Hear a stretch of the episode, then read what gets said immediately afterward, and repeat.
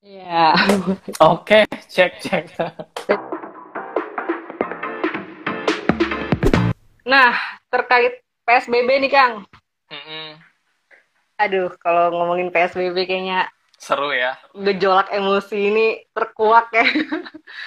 Gimana nih Kang? Eh, ada nggak sih eh, pesan-pesan buat masyarakat eh, menanggapi PSBB? Apalagi kita udah mau lebaran nih, bentar lagi. Mm-mm.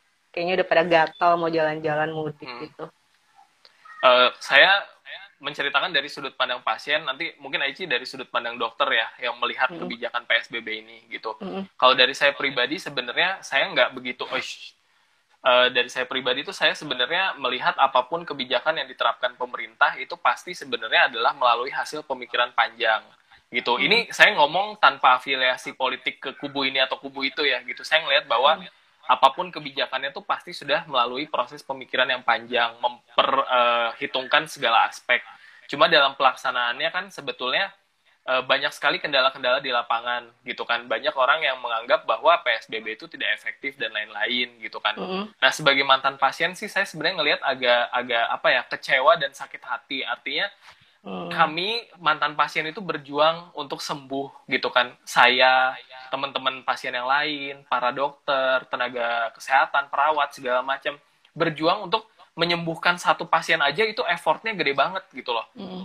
kebayang kalau misalkan PSBB ini mulai dilanggar gitu kan mulai banyak yang cuek sehingga nanti amit-amitnya rumah sakit penuh itu gimana menanganinya karena menangani satu pasien aja itu benar-benar intensif banget perhatian semua tenaga medis di rumah sakit gitu. Untuk bisa saya sembuh aja itu kan perhatiannya semua di rumah sakit itu benar-benar tertuju ke saya gitu kan. Nah apalagi kalau nanti banyak pasien yang masuk gitu loh. Kebayang betapa repotnya kita untuk menghadapinya gitu. Yang lucu adalah komen-komen netizen yang bilang bahwa ya itu kan udah kerjaan dokter buat nyembuhin orang itu kan kerjaan tenaga medis kok malah komplain sih gitu kadang saya kepengen bilang bahwa cobain deh gitu. Masuk ruang isolasi dua minggu aja deh nggak usah lama-lama gitu. Biar tahu rasanya betapa tidak enaknya gitu segala ruang dibatasin eh, ruang gerak kita dibatasin komunikasi kita terbatas kita ketemu orang juga terbatas gitu. Itu benar-benar nggak enak banget gitu. Jadi eh, sebenarnya saya cukup apa ya appreciate ke FK 4 2010 yang juga mau mewadahi diskusi ini karena kita tuh bisa bisa cerita gitu loh betapa nggak enaknya jadi pasien COVID-19 gitu kan dengan segala keterbatasannya. Saya di rumah sakit nggak enak. Eci di rumah pun sebenarnya ada rasa tidak nyaman karena di dalam rumah kan ruang gerak terbatas, kemudian takut dikucilkan oleh tetangga. Itu kan adalah bentuk apa ya istilahnya? Efek kayak efek aja gitu kan. Kita kena COVID-19 kok malah dapat judgement banyak banget dari dari Ya. dari sosial masyarakat gitu sih yang saya lihat gitu. Apalagi eh, Kang Riki sendiri pun dirawat eh, sebenarnya pun masih cukup ringan ya gejalanya ya. Gimana kalau mereka yang memang sudah berat atau apalagi sampai meninggal gitu. Nah ini eh, dibalikin lagi ke masyarakat, apakah mereka mau nunggu sampai anggota keluarganya atau dia sendiri sampai mengalami hal yang berat itu atau sam- mau sampai kayak gitu baru sadar gitu. Kenapa nggak dari sekarang aja kita proteksi diri, sadar akan eh, gawatnya ini tuh mungkin kita sebagai carrier kita nggak kita nggak sakit tapi mungkin Bener. orang tua kita atau eh, orang yang lansia gitu itu loh yang paling benar-benar harus kita jaga di masa-masa sekarang gitu. Jangan gara-gara alih-alih bosen, udah jenuh, eh, nggak bisa kerja di rumah doang, harus ke mana-mana, alih-alih kayak gitu, malah jadi parah nanti. Gitu. Gimana nanti eh, ketersediaan rumah sakit, ICU, dokternya, obat-obatannya. Kalau misalnya yang sakit langsung banyak jeber gitu. Kalau kemarin mungkin eh, jumlahnya perlahan-lahan naiknya. Tapi kalau misalnya nih bayangin lebaran semuanya mudik, semuanya tiba-tiba terinfeksi dalam waktu yang bersamaan, perburukan dalam waktu yang bersamaan, mau dirawat di mana gitu. Mm-mm. Ya ujung-ujungnya mereka sendiri yang akan merasakan eh, beratnya dari penyakit ini kan. Mm-mm. Betul, setuju. Eh, ada yang nanya next wave mungkin nggak ya? Oh mungkin banget ya? Mungkin banget. Gini loh, saya tuh beberapa kali diskusi gitu kan eh, Ci sama dokter-dokter di sini gitu kan. Saya masih kontak-kontakan sama uh, beberapa dokter yang terhimpun dalam ID di Kabupaten Cirebon gitu hmm. bersama dinas kesehatan. Beberapa kali kita diskusi bahwa mungkin nggak sih next wave itu second wave istilahnya kayak hmm. gitu kan. Kalau kita baca artikel di luar negeri, saya tuh akhirnya jadi suka banget baca baca baca jurnal, jurnal. kedokteran. Meskipun saya juga banyak istilah yang saya nggak ngerti gitu kan. Akhirnya saya tuh suka diskusi kalau misalnya nggak ngerti, saya suka tanya dok ini maksudnya apa ya, dok ini maksudnya mm -hmm. apa ya kayak gitu akhirnya kita diskusi gitu kan itu second wave itu sudah bahkan indikasinya itu sudah mulai terjadi di Korea Selatan di mana ya sekarang kasus terbaru ada satu anak muda dia kelihatannya sehat asimptomatik mm -hmm. tapi kemudian mm -hmm. dia berkunjung ke daerah namanya Itaewon ada distrik mm -hmm. Itaewon di mana di sana tuh banyak klub-klub malam dan akhirnya dia menularkan ke semua pengunjung wow. klub malam itu gitu loh Hmm. Padahal gejalanya sangat asimptomatik banget gitu loh. Berarti kan itu ada indikasi bahwa second wave itu bisa terjadi. Korea Selatan yang udah mulai turun, udah mulai landai, udah mulai normal, mulai membuka semua pusat-pusat hiburan, akhirnya terjadi kasus lokal gitu kan, domestic case istilahnya gitu, bukan imported case lagi gitu. Makanya hmm. pemerintah di sana udah mulai agak agak worry nih, jangan-jangan ya ini adalah indikasinya gitu loh. Sedangkan di Indonesia kita belum menghadapi fase itu. Kita tuh masih fokus di fase gimana yeah. caranya nurunin kurva. Nurunin kurva. Kita masih belum fokus apakah ada gelombang kedua itu. Kita saat ini pemerintah tuh masih gimana caranya bener-bener nurunin kurva, tidak ada kejadian kasus baru, yang meninggal juga turun gitu. Padahal di luar negeri itu udah menjadi satu kajian kalau teman-teman ikut mengamati perkembangannya gitu. Dan bahkan kalau ini nggak Eh, nggak uh, berakhir-berakhir masih tetap kayak gini aja ada yang uh, bilang kalau mungkin ini nanti akan seperti infeksi TBC mungkin di Indonesia nggak kelar-kelar sampai sekarang yang uh, gampang dapetnya. Tapi uh, ya mungkin sih kalau yang asimptomatik bisa sembuh sendiri. Tapi gimana nih yang bisa parah bisa kena dampaknya parahnya itu sih. Atau mungkin nggak tahu nih masyarakat mau seperti itu kah?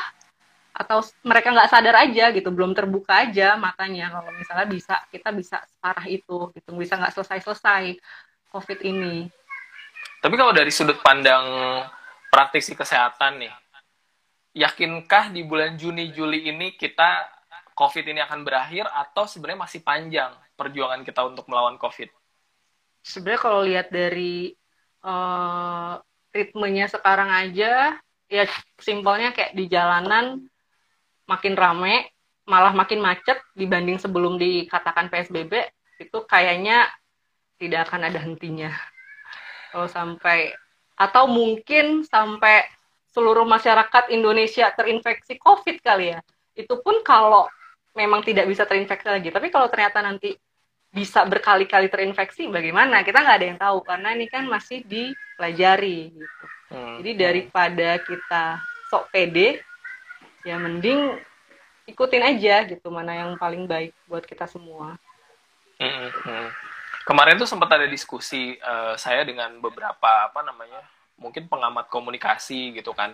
Hmm. Nah jadi sebenarnya ada teori kalau menurut mereka secara sosial tuh yang berkembang yaitu teori uh, kita tuh selama ini percaya bahwa orang sakit atau orang kena sesuatu itu sebagai bentuk keadilan keadilan alam terhadap kita hmm. gitu. Jadi orang tuh kenapa stigma itu muncul karena orang itu beranggapan bahwa misalkan saya sakit covid gitu kan oh iya wajar aja dia sakit covid Mung sholatnya mungkin nggak benar kayak gitu atau oh dia sering main sering jalan-jalan apa segala macem stigma itu muncul karena kita tuh selalu didoktrin bahwa segala sesuatu itu terjadi dengan adil gitu loh. Jadi seolah-olah ketika misalkan kita dinyatakan sebagai pasien, kita tuh langsung uh, berkata bahwa ya jelas saja orang dia mungkin sholatnya jarang atau mungkin hmm. dia sering apa kayak gitu-gitu kan. Nah yang bahaya itu adalah ketika orang itu menjadi pede bahwa saya kan sholatnya rajin, saya rajin ke hmm. masjid, saya rajin beribadah, nggak mungkin saya kayak Ricky gitu kan. Ricky kan hmm. jarang sodako, jarang apa segala macam wajar lah hmm. dia kena covid. Nah yang bahaya itu kan di masyarakat ketika ada uh, paradigma tadi gitu hmm. bahwa segala sesuatu tuh terjadi dengan sangat adil gitu. Jadi nggak bakal mungkin. Ya? Iya, COVID itu nggak bakal mungkin kena ke saya karena saya ibadahnya rajin, saya berada di lingkungan yang religius gitu. Yang berbahaya itu kan sebenarnya seperti itu. Dan itu terjadi Hmm. sebenarnya di daerah-daerah atau di kota-kota Hmm. kecil gitu. Di mana orang Iya, masih iya. pahamnya tuh masih seperti itu. Menganggap bahwa sebuah penyakit itu bisa jadi adalah azab dari Tuhan gitu loh. Pokoknya kalau orang sakit parah itu berarti dia ditegur. Itu azab. Itu kan stigma yang selalu tertanam di masyarakat Indonesia gitu. Sebenarnya itu menarik sih. Dan masih banyak yang mempercaya itu ya. Ya itulah Iya, betul. gambaran banyak masyarakat Indonesia berarti ya? Oke deh. Ada lagi Kang yang mau disampaikan nih? Apa ya? Sebenarnya eh, intinya saya cuma mau bilang bahwa saya nggak saya bukannya saya so tahu mungkin nanti bisa ditambahkan sama Eci sebagai praktisi kesehatan gitu kan cuma memang betul yang saya pelajari yang saya baca dari artikel-artikel kebanyakan memang artikelnya berita-berita di luar negeri gitu. Karena di Indonesia medianya masih belum banyak yang memberitakan tentang second wave. Hmm. tapi perjuangan untuk melawan COVID ini masih sangat panjang gitu loh. Kalau kita ditarget untuk menurunkan angka di bulan Juli oleh pemerintah saya pribadi sih nggak yakin ya bahwa itu akan Hmm. berakhir di bulan Juli dengan karakteristik masyarakat kemudian sekarang banyak sekali kejadian-kejadian yang ada di masyarakat rame gitu kan bandara tempat perbelanjaan dan lain masih akan panjang banget gitu. Jadi tetap jaga kesehatan tetap waspada eh, jangan lengah karena memang masih panjang banget sih perjuangan kita untuk melawan covid ini gitu. Benar banget. Ah tetap semangat tapi ya. Harus Eh, harus ada pesan-pesan nggak Kang mungkin nih buat ngedukung teman-teman di luar sana yang masih dirawat mungkin di rumah sakit ataupun isolasi mandiri sebagai survivor COVID ada pesan-pesan nggak untuk mereka? Iya, yang pertama pesan saya adalah eh, ubah paradig, ubah mindset kita. Kita tidak, kita tuh bukan lagi dikurung, tapi kita lagi disuruh istirahat.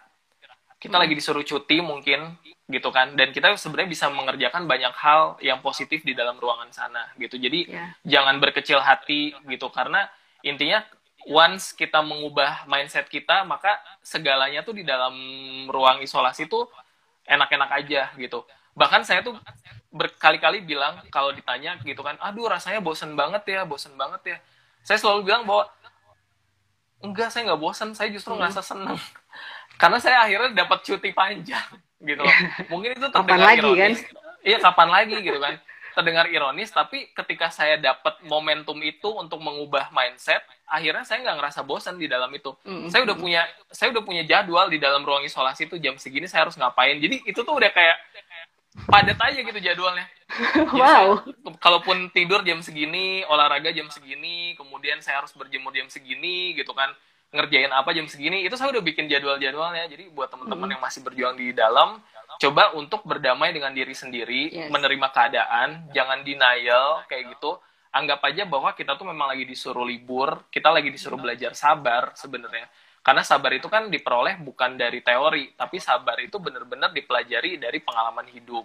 Nah, buat tenaga kesehatan, saya juga mau mengucapkan terima kasih atas perjuangannya selama ini, gitu kan. Semua dedikasi itu menurut saya nggak bakal terbayar sih, tapi yang bakal terbayar itu adalah kenang-kenangan dari para kami eh, apa namanya survivor COVID-19 Iya. dari orang-orang yang bapak ibu semua bantu itu adalah amal ibadah yang menurut saya nggak bakal putus selama bapak ibu hidup atau bahkan nanti meninggal dunia gitu jadi eh, tetap semangat apa pun kondisinya di luar karena nggak ada usaha yang sia-sia menurut saya Terima kasih Kang. Saya mewakili tenaga kesehatan yang lain. Thanks buat supportnya. Oke. sama-sama Oke nih kita udah satu jam lebih ya. Lumayan nih ambience dari teman-teman semua. Eh, Oke, saya mau eh, coba eh, memberikan intisari dari topik kita sore ini. Pertama, kalau COVID-19 ini bisa memanifestasi eh, gejala kepada setiap orang tuh berbeda-beda. Dari mulai asimptomatik sampai mulai sampai sedang berat bahkan sampai meninggal. Jadi kita nggak tahu kita akan mendapatkan yang mana gitu. Jadi seberapa pedekah kita kalau misalnya kita terjangkit kita nggak akan kenapa-napa gitu. Jadi tetap harus di eh, pegang kalau misalnya tetap penyakit ini memang bisa berbahaya kayak gitu. Tapi walaupun nggak bergejala pun kita tetap bisa loh nularin ke orang lain. Orang yang mungkin lebih rentan daya tahan tubuhnya bisa malah jadi parah karena kita yang nggak sadar kalau kita uh, memiliki uh, penyakit itu gitu. Jadi anggap saja kita sudah anggap saja kita positif. Jadi kita e, berjaga-jaganya lebih ekstra kalau misalnya mau keluar atau mau ke mana atau jadi berpikir dua kali lah kalau misalnya mau keluar rumah e, kalau nggak perlu-perlu banget kayak gitu. Terus juga kita e, kepada pasien yang lagi dirawat nih, yang isolasi di rumah ataupun dirawat di rumah sakit, tetap semangat, optimis kalau sembuh berdamai sama diri sendiri. Uh, ya uh, optimis saja kalau kita semua bisa uh, melewatin ini gitu. Saya aja bisa. Kang Riki bisa dan berharap banyak juga di luar sana yang bisa. Dan hindari stigma pada orang-orang yang mengalami COVID positif. Ini penting banget karena stigma yang dikeluarkan oleh masyarakat ini malah memperburuk keadaan pasien yang sakit. Dan itu uh, sangat menyedihkan sekali kalau misalnya karena stigma dia jadi stres imunitasnya nggak bagus malah jadi perburukan. Gitu. Dan untuk masyarakat tetaplah berhati-hati. Ingat jangan keluar rumah kalau memang situasinya tidak terlalu mendesak kalaupun memang harus keluar rumah mungkin buat yang uh, harus bekerja ataupun belanja misalnya belanja kebutuhan pakailah APD yang ideal rajin cuci tangan, dan tetap jaga physical distancing. Sampai kapan COVID berakhir, nggak ada yang tahu, teman-teman. Semua tergantung bagaimana kita bekerja sama untuk menyudahinya. Begitu aja kurang lebih dari kami. Uh, terima kasih teman-teman yang udah join, yang udah mau ngeluangin waktunya. Uh, jangan lupa untuk ikutin kami di uh, IG FK 4 2010 di situ kita akan update terus uh, baik dari acara-acara talkshow seperti ini ataupun donasi yang sudah terkumpul. Oke, okay, sampai jumpa di episode selanjutnya. Bye bye.